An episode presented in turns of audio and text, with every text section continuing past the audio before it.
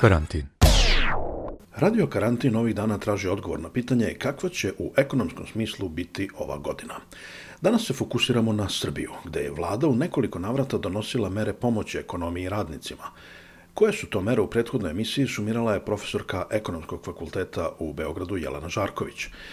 Da vidimo sada da li su donete mere dovoljne i da li je moglo drugačije. Ja sam Aleksandar Kocić, a moj današnji gost je urednica magazina Nova ekonomija Biljana Stepanović.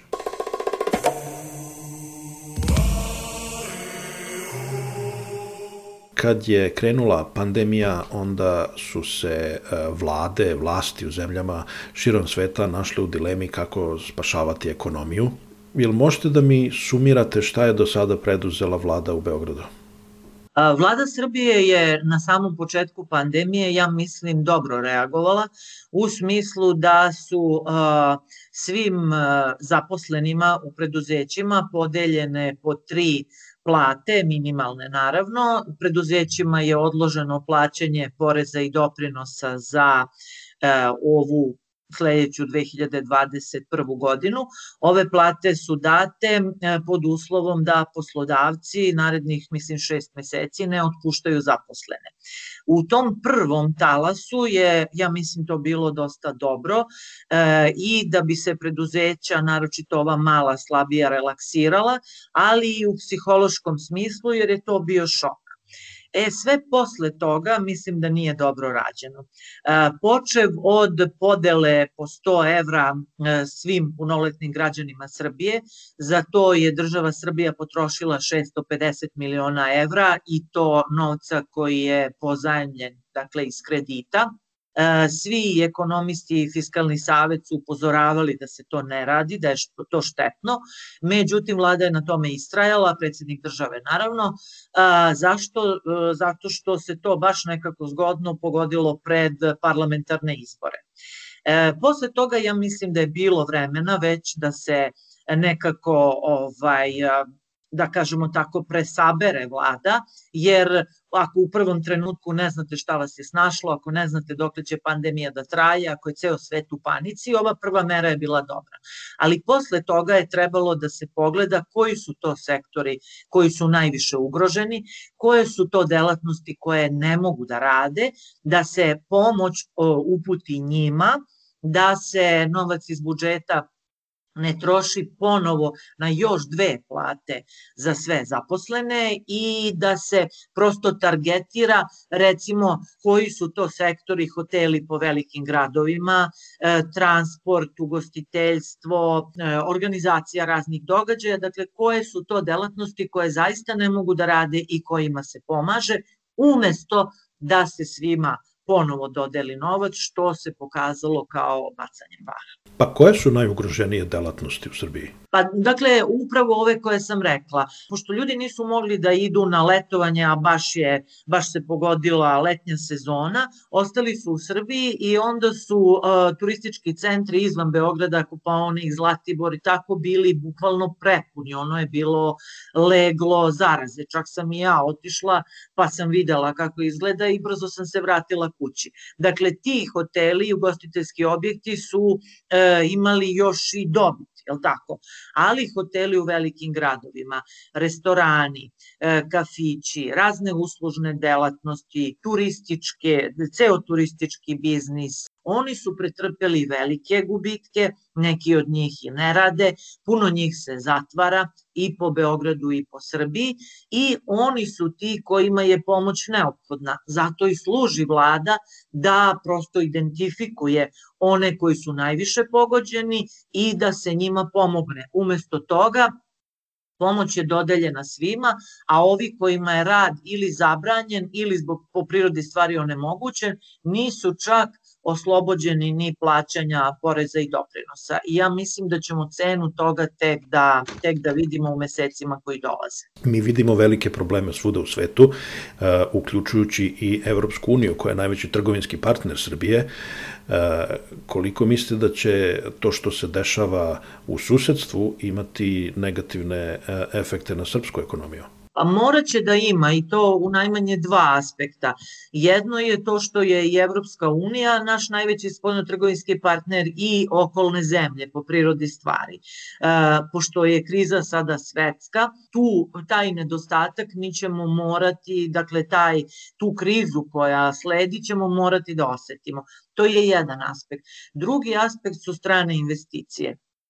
Mi smo se dosta oslanjali na strane investicije, one su prethodnih godina bile solidne, zato što je između ostalog vlada Srbije davala i velike subvencije investitorima da bi došli kod nas e, i to je bio neki, da kažemo, substitut činjenice da mi nemamo pravnu državu, nemamo vladavinu prava i da poslovni ambijent nije dobar. E, sada Takođe, zbog krize, sve zemlje očekuje se da će da se negde zatvaraju sebe, već postoje preporuke koliko mi ovde čujemo e, stranih vlada svojim kompanijama da radije ulažu u sobstvene zemlje, da spašavaju svoje radna mesta, nego da izlaze i da investiraju u drugim zemljama i to će da dovede do neminovnog smanjenja stranih investicija.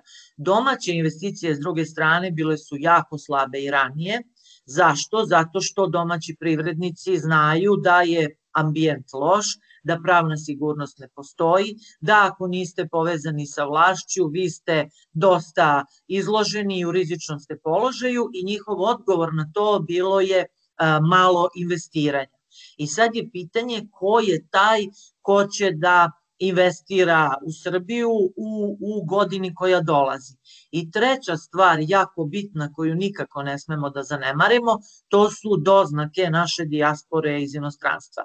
Doznake su ovde bile veliki izvor deviznog priliva, taj novac je dosta pomagao ljudima u Srbiji povećavao njihovu kupovnu moć i pomagao im da da lakše prežive. Sada je pitanje šta će biti sa ljudima u dijaspori, da li će oni da pretrpe posledice krize, da li će ostajati bez radnih mesta i da li će i koliko biti u stanju da sada e, šalju novac da pomažu svoje rođake. Kad to sve uzmete u, u, obzir, kao i činjenicu da se Srbija zaista u poslednje ovih godinu dana ozbiljno zadužila. Ja ne znam kako ćemo mi da preguramo godinu, ali ono što mogu da kažem to je da neće biti lako. Zadužuje se ceo svet.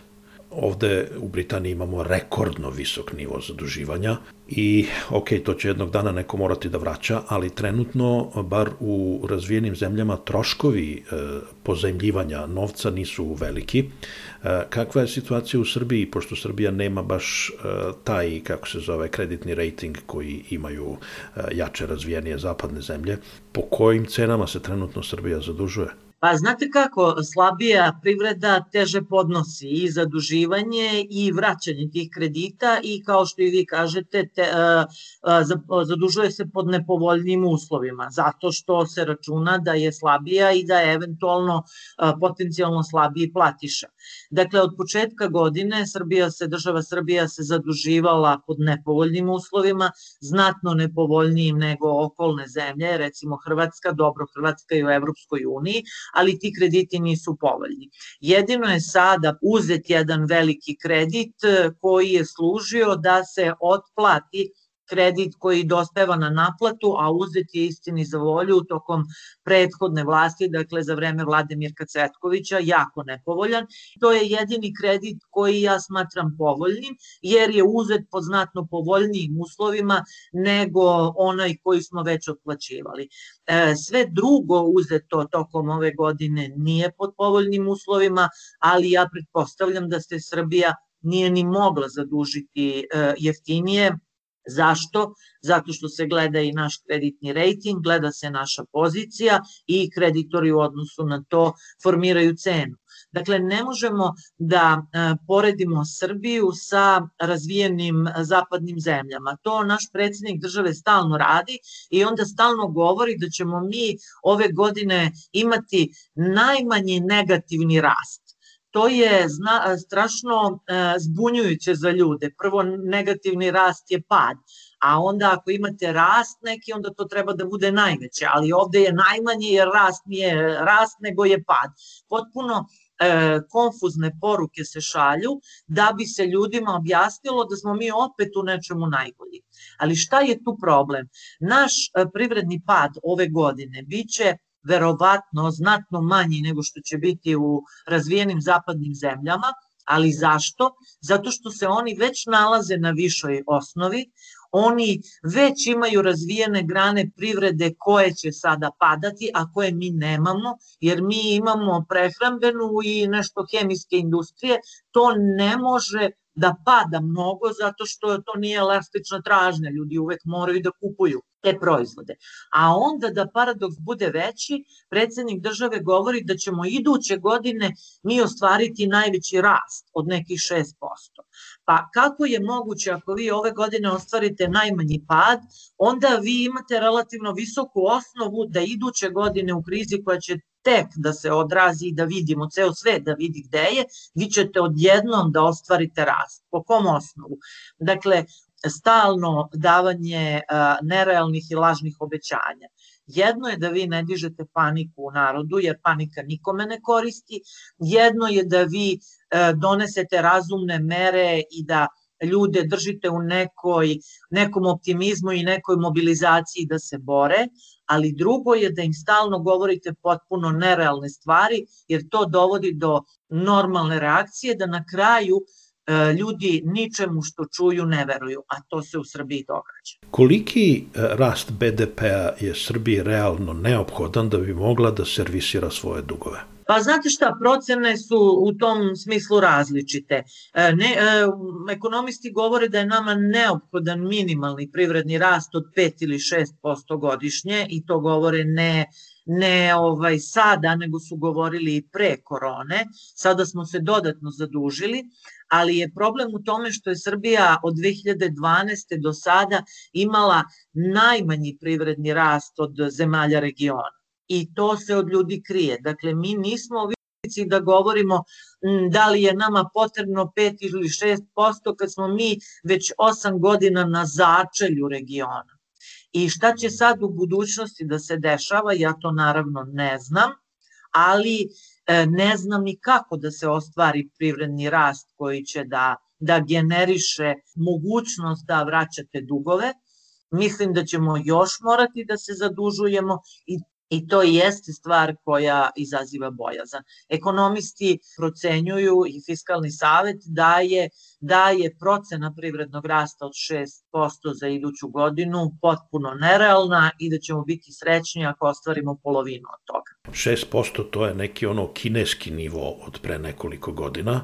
To zapadne zemlje mogu samo da maštaju od takvom privrednom rastu, ali se onda obično kaže to je zato što vam je početna neka, početni nivo vrlo nizak, pa je onda moguće zabeležiti taj rast. Ali zaista, gde Srbija, u kojim to sektorima Srbija može da očekuje neki veliki rast, sve i da za šest meseci pobedi koronu sa vakcinom, da li je to ovaj IT sektor ili turizam ili šta? Pa, pa ja nemam odgovor na to pitanje. Znači, Srbija mora da ima veći privredni rast nego zapadne zemlje, zato što je njena baza niža i malo je, ne možete vi da rastete 1%, to je za naše uslove ništa. Znači, ne možemo se u tom smislu porediti sa zapadnim zemljama, što vlast takođe radi. Kaže, mi rastemo ne znam, dva puta više, tri puta više od Nemačke. Ni, ni po kom osnovu mi se ne možemo porediti sa Nemačkom. U tom smislu, naš privredni rast od 3% iduće godine biće dobar. 6% je potpuno nemoguće, vi ste u pravu, to je otprilike ono kineski rast, boom a, a, koji, koji bi se desio i ako mi znamo da smo pre korone imali jako mali privredni rast, kako sada da zabeležimo neki bum u, e, u situaciji u kojoj e, svet očekuje veliku recesiju. U kojim sektorima mi možemo da rastemo? Pa to i jeste pitanje. IT je u suštini mit, mislim, rašće IT sektor, ali ne može on da povuče do te mere privredni rast. Strane investicije, rekla sam, ne mogu se očekivati, bar ne u većem iznosu. Mi imamo poljoprivredu, vidjet ćemo na koji će način to da se događa, ali veliki sistemi, na primjer i oni su u problemima, javna preduzeća su u problemima, automobilska industrija je u problemima, dakle, e, elektroenergetski sektor, moramo da vidimo, ja u ovog trenutka ne mogu da, da predvidim šta je to što bi moglo da povuče taj privredni rast. Najzad ja te prognoze i ne dajem, to bi morali da kažu predstavnici vlasti. Radio karantin. E, mene, kad god čujem Vučića i Anu Brnabić da e, pričaju o tom BDP-u, famoznom rastu, ja se setim jedne epizode iz ovdašnje referendumske debate kad smo razmišljali hoćemo li izaći iz Evropske unije ili nećemo, pa je na nekoj tribini neko od političara rekao ako izađemo ima da nam BDP bude ovoliko manji, ako ostanemo šta ja znam, pa je onda neko od građana na toj tribini rekao ali to je vaš BDP, mene to ne zanima. I to mi se stalno vraća, jer e, zaista mi interesuje to pitanje šta znači jednoj prodavačici u radnji u Zaječaru? Šta njoj znači BDP od 4%? Šta građanima to konkretno znači? Pa znate šta, ne znači ništa, o tome se i radi. Zašto? Mislim, zemlja raste, ekonomija raste, zašto im ne znači ništa? Ali znate zašto? Zato što uh, ljudima znači samo kad vide da se njihov standard povećava, kad vide da su njihove plate i penzije povećane, kad vide da se njihova deca zapošljavaju i dobijaju normalne poslove i plate, a ne odlaze bukvalno glavom bez obzira u inostranstvo kao da je egzodus iz Srbije. Mi sada doživljavamo egzodus mladih ljudi. U tom smislu prodavačici ni iz Zaječara ni iz centra Beograda ne znači ništa da je kažete mi imamo toliki rast BDP-a, ne zna žena ni šta je BDP i neće da zna. Činjenica je da mi imamo među najmanjim platama u regionu, samo makedonci imaju nešto manje plate. Činjenica je da se nama predstavlja kako je prosečna plata od 500 evra neka fantastična plata, ali prosek ne znači ništa. Vi saberete one sa najvećim i oni sa najmanjim i onda kažete to je prosek. Pitanje je koliko ljudi je na tom proseku. Ja koliko se sećam, 200.000 ljudi je na minimalnim platama. Dakle, minimalac je nešto oko 250 evra. Da li neko živ može da, da preživi mesec u državi Srbiji sa 250 evra? I pritom, ne treba zaboraviti jednu važnu stvar na koju niko skoro ne skreće pažnju. E, postoje mnogi ljudi koji nisu stalno zaposleni, koji su izvan ove zvanične, da kažemo, legalne zone. Neki su i u legalnoj zoni, ali nisu stalno zaposleni, oni su po različitim vrstama ugovora, njihova radna mesta su potpuno klimava, mada su klimava u celom ovaj, privatnom sektoru, u privredi, i o, kako oni preživljavaju. E, dakle, kad je država i davala u pomoć o kojoj sam na početku govorila, ona je davala preduzećima samo za stalno zaposlene, ali svi drugi koji nisu stalno zaposleni, taj novac nisu dobili.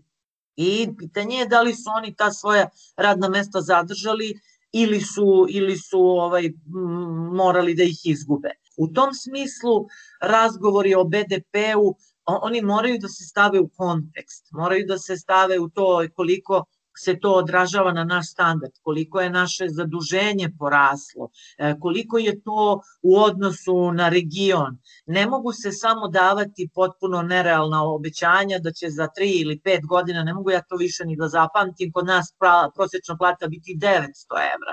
I mi stalno imamo nešto što će da nam se desi za 3 ili 5 godina. Ali ako pomislite da silni ljudi u Srbiji žive sa platom od 250 evra, onda znate koje su razmere e, siromaštva. Kažu ekonomisti, neki sećam se, e, obično treba dve godine da prođe da bi se rast BDP-a prelio na, da bi stanovnici i građani osetili e, to. Srbija je za poslednjih osam godina, od kad je SNS na vlasti, nazadovala u političkom smislu drastično i praktično je postala meka diktatura šta se promenilo, da, da li se u Srbiji za ovih 8 da li se u Srbiji danas živi bolje nego pre 8 godina u ekonomskom smislu? Pa ne živi se bolje. E, ne živi se bolje, kako da vam kažem, e, u pravu ste, da bi se, da bi se odrazio privredni rast na standard e, građana, nije dovoljna jedna godina. Mora da bude rast u kontinuitetu da bi se uopšte moglo govoriti o rastu i da bi se to na ljude odrazilo. Mi sada govorimo da je kod nas standard mnogo bolji nego što je bio pre 8 ili 9 godina, ali to nije tačno. Vi ste za 8 godina uspeli da za nekoliko desetina evra podignete platu. Pa, mislim, to je, e, mi smo u devetoj godini, to je blizu decenije. Šta ste radili deceniju ako se vi hvalite da ste za toliko uspeli da podignete platu?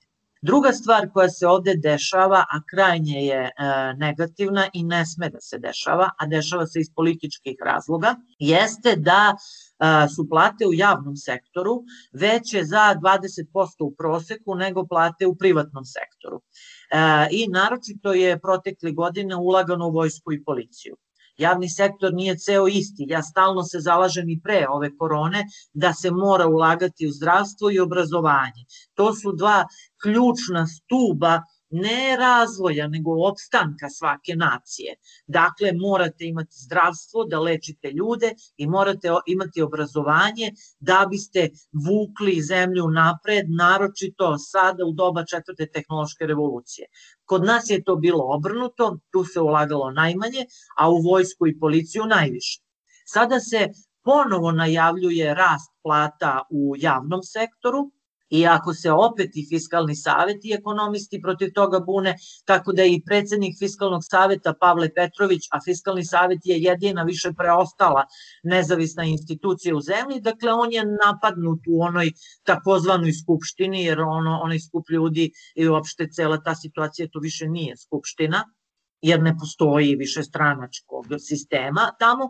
Dakle, ljudi govore da ne treba povećavati plate u javnom sektoru, e, ne samo što to budžet ne može da izdrži, nego zato što to nije ni pravedno. Jer ljudi u javnom sektoru su zaštićeni, tamo otpuštanja nema, a ljudi u privatnom sektoru svakog dana moraju da brinu za svoju egzistenciju i šta će sutra biti, a ne zaboravimo da je privatni sektor taj koji plaća poreze, doprinose i sve ostalo da bi se izdržavao i javni. Tako da je neophodna neka veća solidarnost i koliko je moguće ravnopravnost, naročito u ovim teškim danima, a to koliko vidim politiku vlasti, ona nije, ona nije tog mišljenja. E sad, imamo, znači, sa jedne strane, e, e, prenaduvani javni sektor, uglavnom iz političkih razloga, imamo stalno priče o tome kako puno ljudi po nekim opštinama sedi i prima platu, ne radi ništa, imamo propale firme koje, koje država održava opet iz političkih razloga, evo, Air Srbija ponovo, imamo Kosovo, koja je veliki e, ekonomski teret za Srbiju, bez nekog političkog benefita. Šta na sve to kaže e, Međunarodni monetarni fond i slične institucije koje praktično, od kojih praktično zavisi ekonomija e, Srbije? Pa sad u ovom trenutku ne može se reći da Međunarodni monetarni fond ima neku presudnu ulogu ovde. Ja ne znam, mislim da sa njima sad i nemamo aranžman, to sam ispustila skroz iz vida, ali e, ono što je Međunarodni monetarni fond do sada pokazivao, e, njima je bilo bitno da e, Srbija redovno izmiruje i servisira svoje obaveze. U tom smislu oni su gledali da li je budžet negde koliko toliko u ravnoteži, da li je zemlja i do sad je fiskalni deficit dakle i bio smanjen pre korone, to je jedan od ređih uspeha bio. Sami recite kratko šta, šta je fiskalni deficit?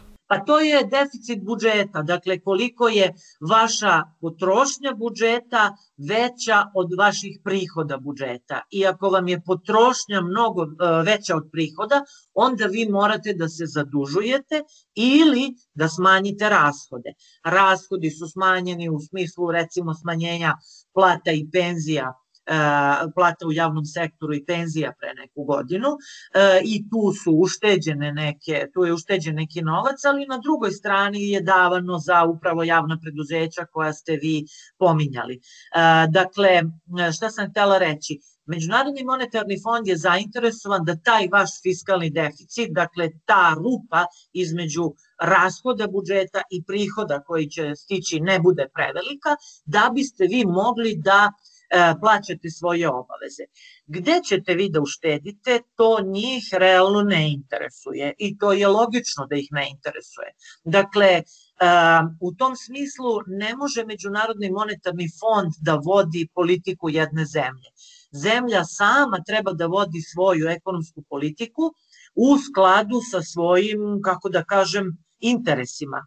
Dakle, najlakše je bilo smanjiti plate i penzije, to je jednokratna mera, uštedit ćemo toliko, pokazat ćemo Međunarodnom monetarnom fondu, oni će reći u redu, vaši rashodi su se smanjili, odlično. Ali da li je to dobra mera ili je bolje bilo ono što je teže i dugotrajnije, ali je zdravije, da stvarno napravite reformu javnih preduzeća, da vam javna preduzeća ne služe za partijska zapošljavanja ljudi, da vam ne služe za odlivanje novca, da vam ne služe kao bukvalno ono političke i stranačke kase, da se zna na koji način ona ulažu, da se zna ko ta preduzeća vodi, da tu ne budu ljudi u statusu vršilaca dužnosti, uglavnom dve trećine. Zašto? Zato što ih je lakše kontrolisati. Držite čoveka koji nije proglašen za direktora i on stalno misli da će sutra da spadne i tako je podložan uh, uticajima da se tu stavi profesionalni menadžment, a ne ljudi koji apsolutno nisu dorasli da vode te sisteme i mi sada imamo uh, imamo rezultat toga. Dakle, prvi put su javna preduzeća u prošloj godine ostvarila neto gubitak kad sve saberete. To ne sme da se dešava. Javna preduzeća bi po prirodi stvari morala da ostvaruju dobit. Morala bi da uplaćuju novac u budžet. Jer su monopolisti. Naravno, tako je. Ali čak i da nisu, ona isto treba da ostvaruju neki profit jer svoje usluge i robe naplaćuju od građana. Umesto toga, vi kao građani treba još i da ih dotirate da bi ona poslovala. To je teži put. Reforma javnih preduzeća najavljena i obećana još 2014. godine. Ništa se skoro nije uradilo. Zašto? Zato što onda morate da isečete apsolutno granu na kojoj do, u dobroj meri sedite, ne možete svoje partijske e, činovnike, zaslužne građane, botove ili koga sve zapošljavati tamo, ne možete podizati plate, ne mogu se podizati plate više nego što treba, e, i više nego što opet ta isti fiskalni savet upozorava, ne može se rukovoditi tim preduzećima nestručno i nesavesno, znači to bi onda iseklo granu e, na kojoj vlast sedi i ona onda gleda da uštedi tamo gde može da uštedi. Vidimo sada da vakcina neće brzo stići u Srbiju, što znači da će pandemija trajati. Da li onda na kraju ove krize, ove epidemiološke krize, možemo da očekujemo i da strahujemo od praktično ekonomskog urušavanja Srbije ili mislite da vlast može ovako da nastavi da ta ljiga još dugo. Niko od nas ne zna šta će da se desi. Ja zaista mislim da je zdravlje ljudi prioritet. Uh, mislim da se ova vlast nije odgovorno ponašala, izgubila je svaki kredibilitet i mi smo sada došli u absurdnu situaciju da ona praktično ne sme da uh, proglasi teže mere koje bi morala proglasiti. I onda se predsednica vlade ljuti na građane zato što su neozbiljni, neodgovorni i tako dalje što čekaju ispred prodavnica i tržnih centara da kupe robu na popustu, umesto da se zabrani da se takve akcije sprovode. Ali onda niste mogli praviti ni futbolske utakmice kao što je vlast pravila, ne možete ni sprovoditi izbore, ne možete proglašavati pobedu posle toga i proslavljati, ne možete slaviti ni stranačku slavu, ni otvarati onaj potpuno absurdni tržni centar u čuvenom Beogradu na vodi kad vi ne možete puštati huligane da u sred vanrednog stanja, kad su penzioneri maltretirani, da u dva ujutru ustaju da kupe sebi hleba u prodavnici, a, to je potpuno bio zločin prema penzionerima, koji nisu mogli, ne znam ja, više od mesec dana da izađu napolje, grupa huligana sa upaljenim bakljama ide na vrhove zgrada, divlja gore i povrh svega plaši ljude i pokazuje im da neko može da divlja i da radi šta hoće, a neko ne može da izađe da kupi sebi hleb. I u takvoj situaciji dobili smo demonstracije letos kada su pokušali ponovo da zatvore ljude, to je bio bunt protiv svega. Policija je reagovala kako je reagovala, krajnje nasilno i brutalno i to je pokazalo, to je za vlast bio nauk da tu stvar ne sme da ponovi. Ali sada smo došli do te da je i krizni štab izgubio kredibilitet i ne pojavljuje se više. Članovi kriznog štaba kažu mi smo tražili oštrije mere, politika nije dozvolila, pa što niste gospodo podneli ostavku kao lekari, vlast nije dozvolila, onda se ljuti na građane koji su neodgovorni. Dakle, šta hoću da vam kažem? Prioritet je zdravlje ljudi, ali e, za to morate kao vlast imati autoritet. Onda to sve kraće traje, onda ljudi veruju, onda se ljudi sami mobilišu i onda prođete sa manje posledica. Ako dozvolite ovo što se dozvolilo, onda je pitanje i kakve će na kraju i ekonomske posledice svega toga biti. Jer e, sve više se e, čuje da dilema zdravlje ili ekonomija je u suštini lažna dilema, zato što ako imate bolesnu naciju, ako imate zdravstveni sistem koji je preopterećen ili se raspada, onda nema ništa ni od ekonomije. Tako da sad pretpostavljam da ostaje to pitanje od milion dolara, e, hoće li Srbija ekonomski preživeti pandemiju? Pa znate šta, Srbija je preživela mnogo toga, preživela i prvi svetski rat kad je ostala bez trećine stanovništva. Mislim, s, ne mogu da kažem da Srbija neće preživeti, samo je pitanje sa kolikim posledicama i po koju cenu. A tvrdim da je mogla da prođe sa manjim posledicama i sa nižom cenom da je bilo pametnog, odgovornog rukovodđenja u interesu građana i u interesu države Srbije, a ne u interesu samo i isključivo pukog održanja sobstvene vlasti.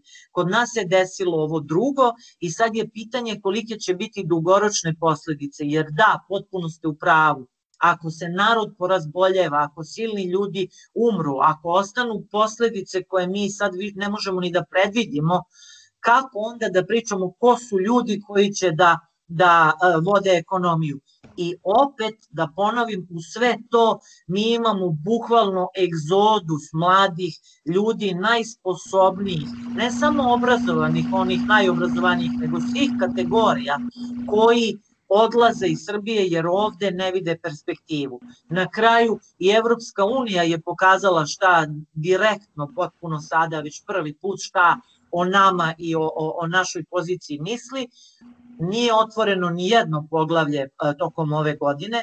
Prošle godine jedva su otvorena dva poglavlja.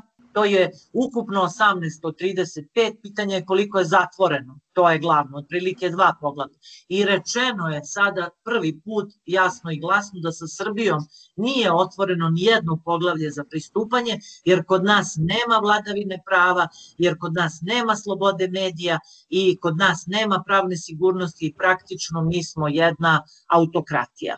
Tako da u takvom ambijentu ne možete očekivati da raste ekonomija sve i da prođemo, da kažem, najbolje moguće kroz ovu krizu, a nećemo proći jer i, i zdravstveni sistem nam je u potpunoj uh, teškoj situaciji zbog sistematskog neulaganja, što sam rekla, u, u svim prethodnim godinama. Biljana Stepanović u razgovoru za Radio Karantin.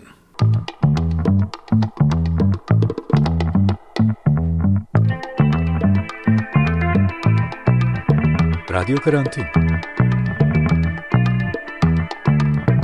I kad ste već ovde, mi bi da vas zamolimo za pomoć. Pomozite nas novčano.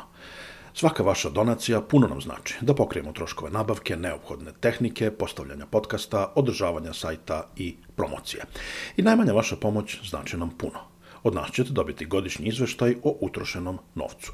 Možete da nam pomognete jednom ili na redovnoj, nedeljnoj ili mesečnoj osnovi. Možete nam date 1 evro, dolar, funtu, dinar ili šta vam zgodno, a može i 100. Jednostavno je i ne oduzima puno vremena. Sve informacije o tome kako da nas pomognete imate na našem web sajtu radiokarantin.eu. Hvala vam što slušate i čitate Radio Karantin i što nas podržavate.